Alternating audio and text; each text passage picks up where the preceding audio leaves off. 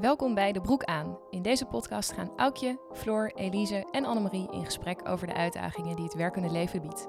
De Broek aan is een podcast van ECRAC en ECRAC is het netwerk voor vrouwelijke professionals. Yes, nou welkom bij een nieuwe aflevering van De Broek aan. Uh, ik, Annemarie, zit hier met Floor. Hallo. En Aukje. Hallo. Hey, leuk dat jullie er weer zijn. En vandaag Zeker. gaan we het hebben over beoordelingsgesprekken. Oeh. Pittig. Want tegen het eind van het jaar dan uh, worden collega's vaak een beetje zenuwachtig en ontstaat er misschien wat spanning op de werkvloer en wordt er met schuine ogen naar elkaar gekeken en misschien wordt er nog extra gegossipt bij het uh, apparaat. Want ja, wie krijgt er de goede beoordeling en uh, wie krijgt er misschien wel promotie? Uh, dus daar gaan we het vandaag over hebben. En ja, je luistert naar de broek aan, dus we gaan als eerste even in op de gender bias, of er een gender bias bestaat bij beoordelingsgesprekken. Uh, we gaan het hebben over de nut en noodzaak van beoordelingsgesprekken en we zullen ook tips en tricks met jullie delen. Maar eerst onze vaste rubriek. Um, wie is uh, Floor? Zal ik bij jou beginnen? Nou, ja, wie, kan niet wachten. Wie is jouw uh, topvrouw of powervrouw van deze week? Nou, dat is, dat is een leuke vraag. Ik heb deze week Elise genomineerd. En ze zit ah. niet aan tafel. Of in ieder geval, ze zit wel aan tafel, moet ik zeggen, maar niet achter een microfoon. Dus dat is perfect. Dus kan niet reageren. Maar ze is wel een beetje aan het blozen. Maar ze is wel een beetje aan het blozen. Ik heb uh, Elise genomineerd, of genomineerd. Ik uh, vind Elise een powervrouw omdat zij de afgelopen twee jaar voorzitter is geweest van het Els Borst netwerk. En dat is het, uh, het vrouwennetwerk van, um, van D66. En uh, ik vind gewoon dat ze dat onwijs goed heeft gedaan. Er is echt een enorme prof, professionaliseringsslag geweest in dat netwerk. En ik weet dat ze er ongelooflijk veel tijd en energie in heeft uh, gestopt. En uh, ze is recentelijk, uh, als wij deze podcast opnemen, afgezwaaid als voorzitter. En nou, ik dacht dat verdient wel even een moment om haar in het zonnetje te zetten. Dus bij deze. Nou, heel mooi. Heel, heel mooi. We zien Eline glunderen. Ja. Zo leuk dat ze niet kan reageren. Nee, ja, ze zijn alleen maar awkward. hey, en ook kan jij daar dan nog overheen? Ja, nee. ik denk het niet. Nee, nou, alle vrouwen zijn natuurlijk powervrouwen. Um, nou, ik heb hem eigenlijk een beetje in, uh, uh, in, in verbinding met het onderwerp iemand, uh, wil ik iemand nomineren. Dus ik wil niet, ja, ik moet niet te veel weggeven eigenlijk nu, voor waar we het over gaan hebben. Maar ik wil Talita Muze nomineren. Zij, is, zij heeft op één gepresenteerd. onze leeftijd is millennial. En waarom ik haar heb genomineerd is omdat ik het heel indrukwekkend vind, is eigenlijk hoe ze daar is weggegaan. En dat ze vooral voor zichzelf heeft gekozen. Ze is dus presentator, maar ook opiniemaker en ondernemer. En op een gegeven moment kwam het aan de orde dat, uh, dat eigenlijk vanuit op één programma ze niet altijd haar eigen mening mag geven. En nou ja, demonstraties mag organiseren of noem maar op. En dat dat staak liep. En ik vond het heel mooi dat ze in haar reactie aangeeft dat eigenlijk haar professionele, maar persoonlijke waarden niet meer overeenkwamen. Um, en toen dacht ik, ja, als je denkt over beoordelingsgesprekken, moet je dus ook heel erg nadenken over wat zijn jouw waarden ja. en, en wat krijg je terug en past dat. Um, en het is, heel, het is toch twee kanten op. En daarom, uh, ja, ik vond dat heel inspirerend en passend bij uh, dit onderwerp. Ja, mooi. Mooi en heel authentiek ook, hè, denk ik. Als ja. je het hebt over authentiek leiderschap. hey, dank jullie wel. Gaan we naar de eerste stelling en uh, die leid ik even in. Um, ik neem jullie mee naar het Amerikaanse leger en een onderzoek daarover wat gepubliceerd is in de Harvard Business Review, waarbij in totaal 81.000 beoordelingen zijn geweest. Dus ik vond het wel indrukwekkend als je kijkt naar de, naar de omvang. Um, en er zijn beoordelingen bestudeerd van, uh, van mannen en vrouwen en is gekeken naar, hey, zie je nou verschillen tussen die beoordelingen uh, die aan mannen worden gegeven en aan vrouwen worden gegeven. En wat de onderzoekers daar zagen is dat bij objectieve beoordelingen, zoals uh, cijfers of fitheid, uh, zagen ze geen verschillen in de beoordelingen tussen mannen en vrouwen. Maar bij subjectieve beoordelingen zag dat er heel anders uit. Uh, mannen hadden veel vaker positieve woorden in de beoordeling en vrouwen veel vaker negatieve woorden. Maar ook als je naar het soort woorden kijkt, dan verschilt dat dus echt enorm.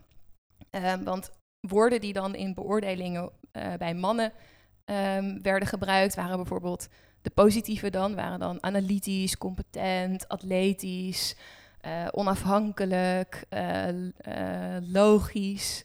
En bij vrouwen, en dat was een hele, hele rij. En bij vrouwen zag je er dan maar vier terugkomen, vier positieve woorden. En dat was dan compassievol, energiek, enthousiast en georganiseerd. En aan de negatieve kant zag je dan bij de mannen twee uh, negatieve woorden terugkomen, namelijk arrogant en um, uh, irresponsible, dus um, onverantwoordelijk. Onverantwoordelijk, heel goed. En uh, bij vrouwen zag je dan weer een hele waslijst van passief, roddelaar, oh, ja. paniekerig, besluiteloos, temperamentvol. Nou, kan ik nog even ja. doorgaan dat is natuurlijk het Amerikaanse leger. Hè? En, en wij zitten hier, uh, nou, we wonen natuurlijk allemaal in Nederland, zitten als het goed is niet in het Amerikaanse leger. Maar ik ben wel heel benieuwd of um, deze conclusie, of we die ook kunnen toepassen op uh, ons dagelijks uh, werkende leven. Dus daarom de eerste stelling. Op de werkvloer beoordeel ik mannen anders dan vrouwen. Floor, zullen we bij jou beginnen? Ja, zeker. Uh, dat, uh, nee, je mag zeker bij mij beginnen. En het antwoord is zeker niet. Tenminste, ja, ik, um, ik moet zeggen, echt super interessant, Annemarie, het voorbeeld wat jij, um, wat jij aanhaalt.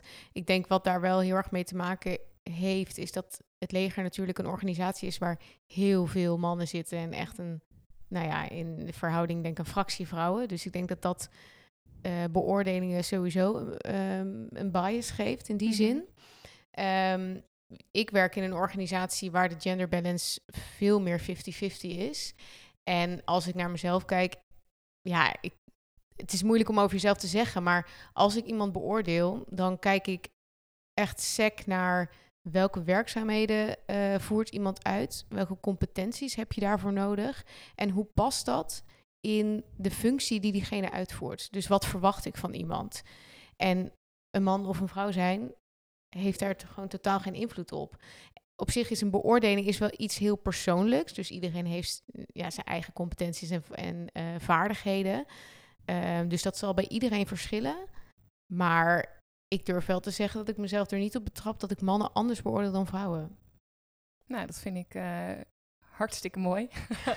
heel knap. Ja, misschien denken mijn medewerkers hier heel anders over. Maar ja.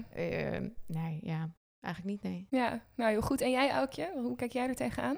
Ja, ik vond het dus best wel moeilijk om deze stelling te beantwoorden. Eén, omdat ik... Kijk, Floor is, is leidinggevende, dus ik kan me voorstellen dat je dan wat meer voorbeelden hebt waar je, uh, waar je over na kan denken. En ik, ik zelf, ik ga dit jaar pas voor het eerst uh, een beoordelingsgesprek afnemen, omdat ik een uh, collega aanstuur. Um, dus toen ik erover nadacht, dacht ik gewoon meer van als ik dat in vergaderingen zit of hoe, ja, als ik gewoon met collega's werk, hoe beoordeel ik men dan? En ik, maar zeg, mijn uitgangspunt is, ik doe het niet. Maar ik denk eigenlijk vanuit het gegeven dat mannen en vrouwen, dat, is dat er onderzoek is dat mannen en vrouwen anders beoordeeld worden, dat ik juist wat kritischer ben naar mannen. Oh, en ja. ik moet wel zeggen dat ik een werkomgeving heb waarbij mijn team, uh, nou nu hebben we twee mannen en tien vrouwen. Uh, ik zit in een bestuur met alleen maar vrouwen. Met EKC zit ik met heel veel vrouwen aan tafel. Dus um, er zijn ook niet zo heel veel mannen die ik dan misschien heel direct beoordeel, maar de aantallen die ik dan heb, ik let er dus wel heel erg op dat mannen vrouwen laten uitspreken. En, en dus dat ik vanuit eigenlijk maatschappelijk gezien kritisch ben. En daarvan denk ik wel eens van, oh ja, ik moet ook even niet iedere man beoordelen als ze worden omschreven in dat onderzoek. Ja, um, ja. Dus dat, is, dat gaat bij mij soms een beetje de, de andere kant op misschien. Ja, dus dan zit je eigenlijk een beetje aan de andere kant van ja. het spectrum. Ben je ja. extra kritisch naar mannen. Ja, maar wat, me, wat me opvalt dan in, jou, in jouw voorbeeld is... Um, dat die, die eigenschappen, of het gaat heel erg om persoonlijke eigenschappen waar die mm -hmm. mensen op worden beoordeeld. En dat vind ik eigenlijk niet oké okay voor een beoordelingsgesprek of hoe je iemand scoort. Want dat, moet toch echt gaan op hoe doe jij je werk en hoe doe je je taken en heb je de competenties en de vaardigheden die je moet doen voor de job waarvoor je uitgekozen bent. En ja, dat je misschien emotioneel bent of arrogant. Het zijn wel dingen die maken of jij een fijne collega bent of hè, het zijn ook wel dingen die waarschijnlijk uh, invloed hebben op hoe je met iemand samenwerkt. En daar kan ja. zeker wel feedback op gegeven worden. Maar puur hoe beoordeel je iemand gaat ook over welke resultaten bereik je. Uh, dus dat, nou ja, dat vind ik wel um, ja, belangrijk om te benoemen. Ja, en, maar, maar, misschien verschilt dat dus ook weer heel erg per organisatie. Want Zeker. als ik bijvoorbeeld naar mijn eigen werkgevers, de AFM, kijk, dan heb je daar aan de ene kant heb je inderdaad je resultaatafspraken, maar aan de andere kant heb je ook competentieafspraken. Um, dus, en dat is natuurlijk per definitie is dat, dat subjectief, want dat gaat dan over nou ja, analytisch vermogen of over lef of over uh, conceptueel vermogen. Ja, ja, maar bijvoorbeeld emotioneel zijn vind ik daar dan weer. Dat is niet echt een competentie, denk ik. Nee, maar misschien wel het, het zijn, wat voor collega ben je? Daar word je natuurlijk ook op beoordeeld. Dus of je empathie hebt voor je collega of dat soort. En daar kan je natuurlijk wel, denk ik, daar worden wel klassiek onderscheid gemaakt tussen vrouwenkenmerken en mannenkenmerken. En dat is denk ik risicovol, dat je wordt ook gewoon beoordeeld als mens. Ja. Um, en dat is natuurlijk heel subjectief vanuit de leidinggevende, hoe jij vindt dat je team met elkaar om moet gaan. Um, en ik denk dat daar uh, dan het, de term emotioneel. Je hoort ook best wel vaak van vrouwen worden daar kritisch op beoordeeld. Van, oh, ze kan het niet aan. En mannen, als ze zich kwetsbaar en, en emotioneel opstellen... dan denk je, wauw, deze man, dat kan het echt goed. Wat fijn. En dat is best wel moeilijk om daar scherp op te zijn, denk ja. ik. Bij mezelf ook. Ja, want hebben jullie zelf wel eens het idee dat je anders bent beoordeeld dan een man? Ja. Dan als je dus een man zou zijn geweest? Ja, niet zo direct dat het in vergelijking is met een, mhm. een, een, mannelijke collega waardoor je denkt het is anders. Maar wel het klassieke voorbeeld dat je meisje wordt genoemd. Of dat je ergens net gaat werken en je meekrijgt van uh, mannen op leidinggevende functies die al twintig jaar werkervaring hebben en zeggen van uh, uh, je kan er niks aan doen, maar je weet dat je wel overkomt als een meisje, dus daar moet je wel harder aan. Dan bedoelen ze dat goed, hè, om je te helpen. Van als je een vergadering binnenkomt, is het eerste wat ze zien is een meisje. En als ik daar toen dacht ik, oh, oké, ja, dan moet ik iets aan doen. En nu denk ik echt, dat kan je echt helemaal niet zeggen, want daardoor uh, definieer je mij zo en ga ik me ook zo voelen. Ja, en het zegt meer over hen dan over jou. Ja. Dat is natuurlijk het hele punt. Zij hebben dus kennelijk een manier van jou beoordelen wat erop uitkomt van je komt over als een meisje ja, dan zou ik echt de boodschap even de, de opdracht teruggeven van oké, dat eventjes uh, opzij gezet. Hoe vind je dat ik mijn werk doe? En eh, welke resultaten haal ik? En wat vind je van mijn vaardigheden? Zullen we het daar even over hebben? En niet over de subjectieve manier hoe jij mij ziet. Ja, ja. ja. Vind ik er niet toe doen, om eerlijk te zijn. Ja, er stond dit weekend, toen we dus deze podcast uh, opnamen, stond er ook een fantastisch artikel of een interview met twee dames die heel hoog in het, in het leger in Nederland hebben gezeten, die daar weg zijn gegaan. En daar vertelde een van die twee in dat interview, die vertelde ook dat ze op een gegeven moment zat ze aan tafel en ze was jarig, ze had rode nagellak opgedaan en ze zat met een aantal hoge meneren uit het leger, zat ze aan tafel. En toen zei een van die mannen zei tegen haar, ja, sorry, maar ik word best wel afgeleid door je rode nagellak. En toen zei ze tegen hem, want nou ja, volgens mij zegt dit meer over jou dan over mijn nou. rode nagellak. En toen was hij even stil en toen zei hij daarna, ja, ik denk dat je gelijk hebt. Wat goed. Ja. Ja, dat is wel echt super goed. Ja, zo krachtig. Nou, misschien als, als ik mag, eh, wil ik wel een voorbeeld delen van een, uh, een vriend van mij. Uh, ik noem hem even Jan, uh, om hem toch even wat anonimiteit te geven.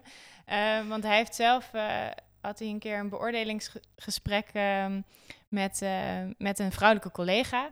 En hij gaf haar mee dat ze af en toe een beetje een juffie is naar andere oh, collega's. Ja. ja. En uh, dat woord juffie viel uh, niet goed bij deze vrouwelijke collega. En um, die heeft daar wat van gezegd. Zo van, uh, nou, dat vind ik denigerend. En wat bedoel je precies? Um, en zeg je dit nu alleen omdat ik een vrouw ben? Um, en het, hij was daar helemaal door verrast. En hij vond, hij vond het heel goed dat het hem werd meegegeven. Omdat hij toen kon uitleggen wat bedoel je daarmee. En achteraf ook dacht, oh ja, ik had ook kunnen zeggen, je komt wat soms wat belerend over naar uh, collega's en um, misschien moeten we kijken hoe je dat op een andere manier kan aanpakken, zodat je effectiever kan leiding geven. Ja. En het interessante was dat hij dat met mij deelde en ook met een aantal andere uh, uh, vriendinnen van mij. En het was een heel mooi gesprek over het woord juffie en dat we ook zeiden tegen elkaar, maar zeg je dan ook tegen een man, je bent zo'n meester? Ja, dat, dat zeg je niet. Dus hoe, hoe, wat doen woorden eigenlijk in zo'n gesprek? En hoe belangrijk het is dus dat, dat, dat je ook het teruggeeft aan je leidinggevende. Dus aan deze vrouw echt uh, super goed gedaan. Absoluut, want waarschijnlijk moet zo'n man daar ook een keer op gewezen worden. En doet hij het daarna nooit meer. Dus aan de ene kant denk ik dan... Um, nou ja, het, is ook, misschien kan je het iemand ook niet helemaal kwalijk nemen of zo. Want hij is zich er niet van bewust, dat hoor je dan vaak. Maar ja, ehm, de, de uh, dominante stem in mij zegt toch van ja, dat is dus precies het probleem. Dus uh, ja, laten we inderdaad, uh, als zoiets je overkomt, zeg er wat van. Uh, dat is echt super lastig en je moet toch echt even stand up voor jezelf. Maar je helpt iemand er ook weer mee. Ja. ja. Ja. en wat ik denk heel goed vind, is dat mannen dit dus ook met hun omgeving delen. Want dat vond ik zo krachtig, dat hij dus heel eerlijk zei... ik heb dit gedaan, wat vinden jullie daar eigenlijk van? En dat ik dacht, ja, dat is dus supergoed. Want uh, daardoor, uh, door dit soort voorbeelden, zowel mannen als vrouwen, leren hier weer van. Ja. ja, en dan word je er gewoon bewust van. En, en, uh, en echt, ja. credits voor Jan. dat hij dit zo heeft gedeeld en, en daar zo reflectief ook op is. Ja, hey, we gaan door naar de tweede stelling. Um, die luidt als volgt.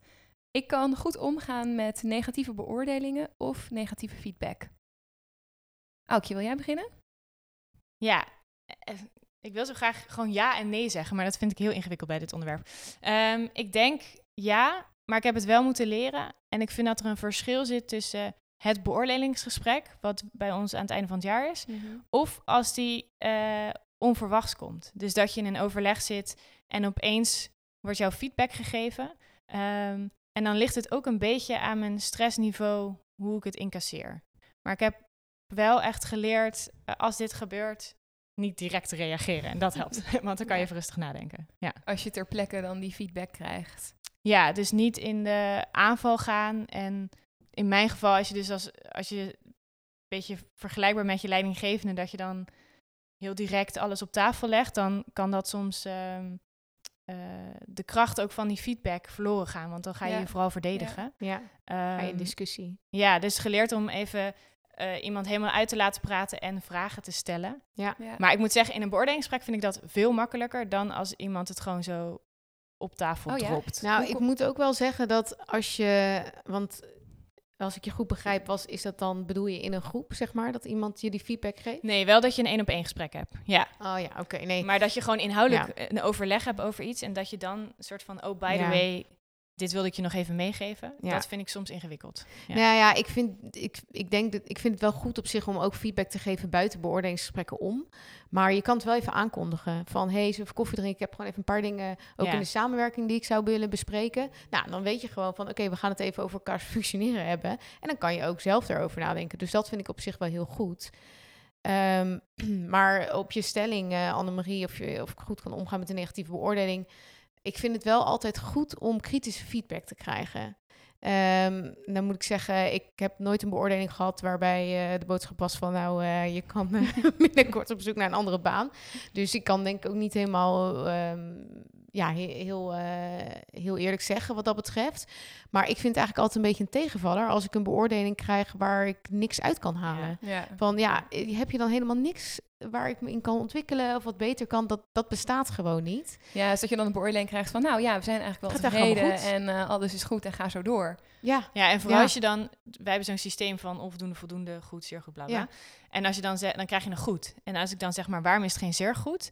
Dat ja. ze dat niet kunnen uitleggen en dan dat men dat ook een rare vraag vindt. Want dat is natuurlijk, um, en er kan altijd iets beter. Maar en durf ja. jij dat te vragen, Aukje? ja, en, dat, en uh, dat wordt bij ons intern, vinden ze dat juist heel goed en leuk. En mijn collega's hebben me ook die tip gegeven. Je moet onderbouwing vragen. En, en ik moet zeggen dat, uh, uh, dat ik dat één keer heb moeten doen. En nu weet men ook dat ik die vraag stel. Dus, ja. dus er, ze bereiden zich voor. Um, ja, dat wordt ook heel erg gewaardeerd.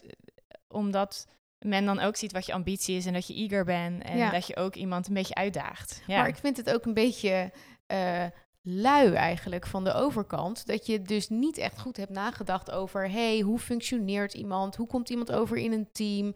Nee, ja, het gaat allemaal goed en ga zo door. Dan denk ik, nou, heb je echt goed nagedacht over wat je vindt ja. van mijn functioneren?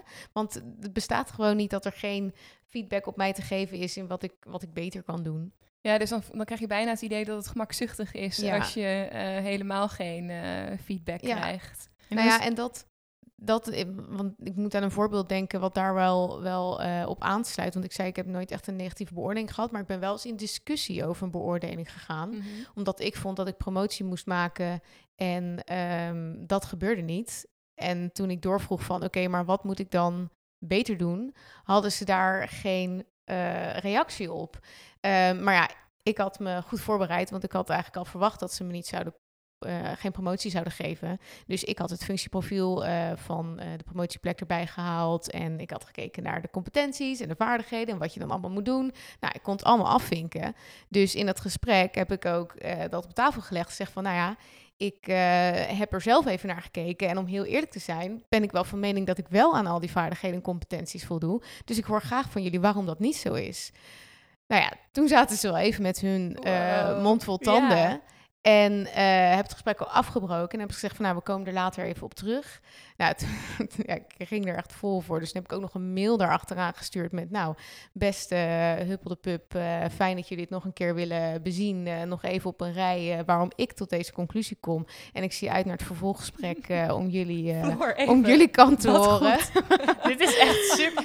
Dit is echt de perfecte voorbereiding gewoon. Ja. ja. Nou ja, ik was er ook echt, ik voelde het ook echt tot vanuit mijn tenen. En ik had ergens ook wel verwacht dat zij, ja, een beetje vervelend om te zeggen, maar dat ze van, ja, dat ze ook niet niet echt met een heel goed verhaal zouden komen. Dus ik dacht, ja, zo laat ik ook niet. Uh, nou, ik neem dit gewoon echt heel serieus. Ja. En dat laat ik ook even zien. Nou, en ik moet zeggen, daarna, want dat moet ik ook even vermelden. Daarna kregen we een tweede gesprek.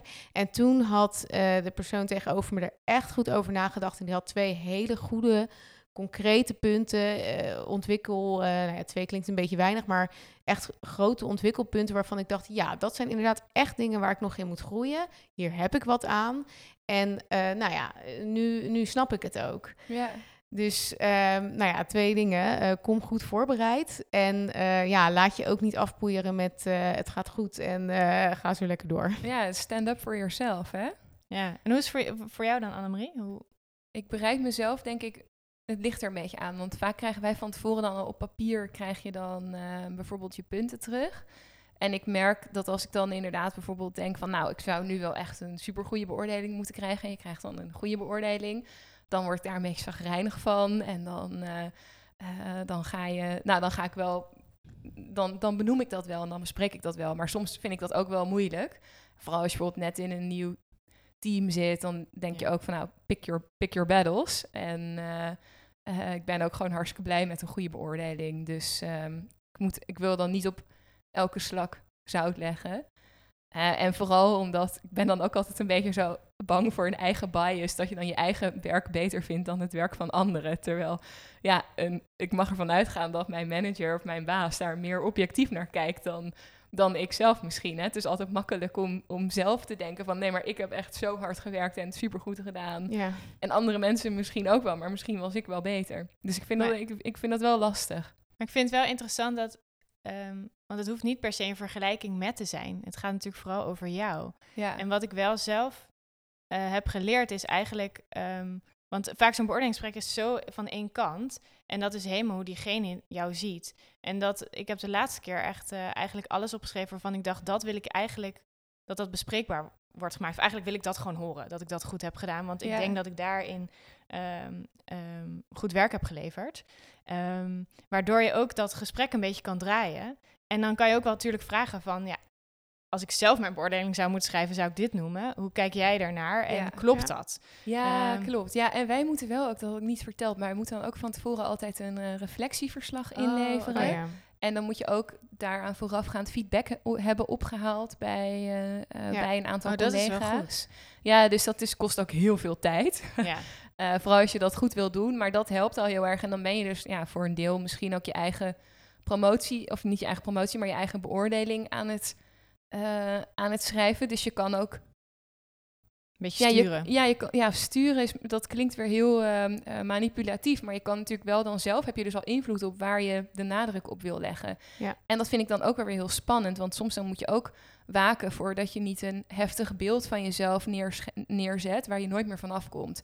Zoals uh, Annemarie is altijd haantje de voorste of zo. Ja. Hè? In, een, in een overleg is altijd de eerste die er hand op steekt om dat te zeggen. Ja, als je eenmaal, als je zegt bij, als je over jezelf zegt van ja, dat vind dat is een ontwikkelpunt, dan kan het soms dus zomaar zijn dat dat iets is wat voor de rest van je professionele carrière bij een organisatie terugkomt. Ja. Dus dan heb ik eigenlijk altijd liever dat je dat van iemand anders hoort, zodat je ook meer een zuiver beeld hebt van hoe een ander naar jou kijkt, dan dat jij zelf uh, de punten waar je aan moet werken op tafel legt. Ja, nou ja, wat ik altijd doe, even nog perspectief vanuit leidinggevende, zeg maar, is dat als ik beoordelingsgesprekken moet voeren, haal ik ook altijd feedback op bij, uh, sowieso bij uh, nou, de Kamerleden in ons geval, maar ook bij de directe collega's. En dat vinden ze dus heel ingewikkeld, dat je op een directe collega uh, ja, 63 graden feedback moet geven. Uh, maar dat is heel waardevol, omdat je ook van iemand die dus qua nou ja, machtsrelatie is niet helemaal het goede woord, maar dus gelijk is, krijg je weer hele andere inzichten. Ja, uh, En dat is heel uh, nuttig om ook mee te geven in zo'n beoordelingsgesprek. Ja. ja, dus als er bijvoorbeeld als iemand dan tegen je zegt van ja, ik vind het dan heel leuk om me aan jouw energie op te trekken. Nou, dan denk je, wow, oké, okay, wat leuk. En wat leuk om te horen. Um, dus, hey, en um, uh, dan nog een laatste vraag. Want uh, we hebben het nu natuurlijk gewoon voor, uh, voor waar aangenomen. Hè? We hebben het geaccepteerd dat we beoordelingsgesprekken hebben en dat we die voorbereiden. Maar ook elk jaar als, als die gesprekken er weer zijn, dan nou ja, komt er natuurlijk weer een column van Japke D. Bauma en nog wat andere kritische schrijvers over beoordelingsgesprekken die zeggen het is onzin en beoordelingsgesprekken zouden eigenlijk moeten worden afgeschaft. Zijn jullie het daarmee eens? Nee. Nou, ik ben het daar niet mee eens. Nee, ik ook niet. Waarom niet? Nou, kijk, ik, ik vind wel beoordelingsgesprekken, wat Floor al eerder zei, dat moet niet het enige zijn in dat jaar. Dus je moet niet verrast worden in je beoordelingsgesprekken. Dus in de, in de één op één gesprekken of pila of vreselijke kantoorjargon die je hebt, dat je dat wekelijks, dat, die, je moet het gewoon al eerder hebben gehoord als er feedback is of als er iets niet goed is. Maar ik vind het zo belangrijk en ook heel fijn dat er aan het einde van het jaar gewoon een reflectiemoment is van beide kanten. En dat er ook even stil wordt gestaan bij, uh, je, bij je werk. Dat is ook iets heel moois. Want ik vind wel dat vaak in die columns het altijd is of, of je alleen maar negatieve beoordeling krijgt. En ik kan natuurlijk niet spreken voor mensen die dat hebben ervaren. Maar ik denk uh, dat het ook iets goeds kan zijn. En vooral in coronatijd heb ik echt veel gehoord dat het, dat het niet werd gedaan omdat hey, je zit thuis en je ziet niks. En toen dacht ik, ja, maar zo, zo laat je ook niet zien dat je je werknemer wil zien. Ja. je kan ook gewoon het gesprek voeren, hoe gaat het? Of het hoeft niet keihard te zijn. Dus... Nee, het hoeft niet per se een beoordeling met een cijfer of een letter te zijn, maar een moment van reflectie en kijken waar je kan groeien. Ja, en het is een natuurlijk moment voor salarisonderhandeling, wat ook heel belangrijk is. ja, nee, ja, en ook voor degene, uh, nou ja, zoals ik noem aan de andere kant van de tafel, om er ook even heel serieus over na te denken, om even bij andere feedback uit te vragen over een persoon. Ik, nou, ik ben het verder echt helemaal eens met wat uh, Aukje zegt over dat moment van reflectie, waar je dus ook echt even de tijd voor neemt. En tot slot is het ook wel echt belangrijk in een bepaalde mate van dossieropbouw. Dus ook als je uh, kijkt naar, hey, willen we door met, de, met iemand of niet? Dat je ook echt even kan terugkijken, oké, welke beoordelingen hebben we op een rij en welke uh, trends zien we daarin? En ook andersom, uh, of iemand wel of geen promotie moet maken. Ja, het is iets persoonlijks, maar je weegt het ook wel een beetje tegen elkaar af. Van wie maakt welke sprongen en wie nou ja, blijft misschien wat achter of zo. Dus ja, ik, ik ben het niet eens met de stelling. nou, mooi. Hey, volgens mij kunnen we dan over tot een, tot een afronding.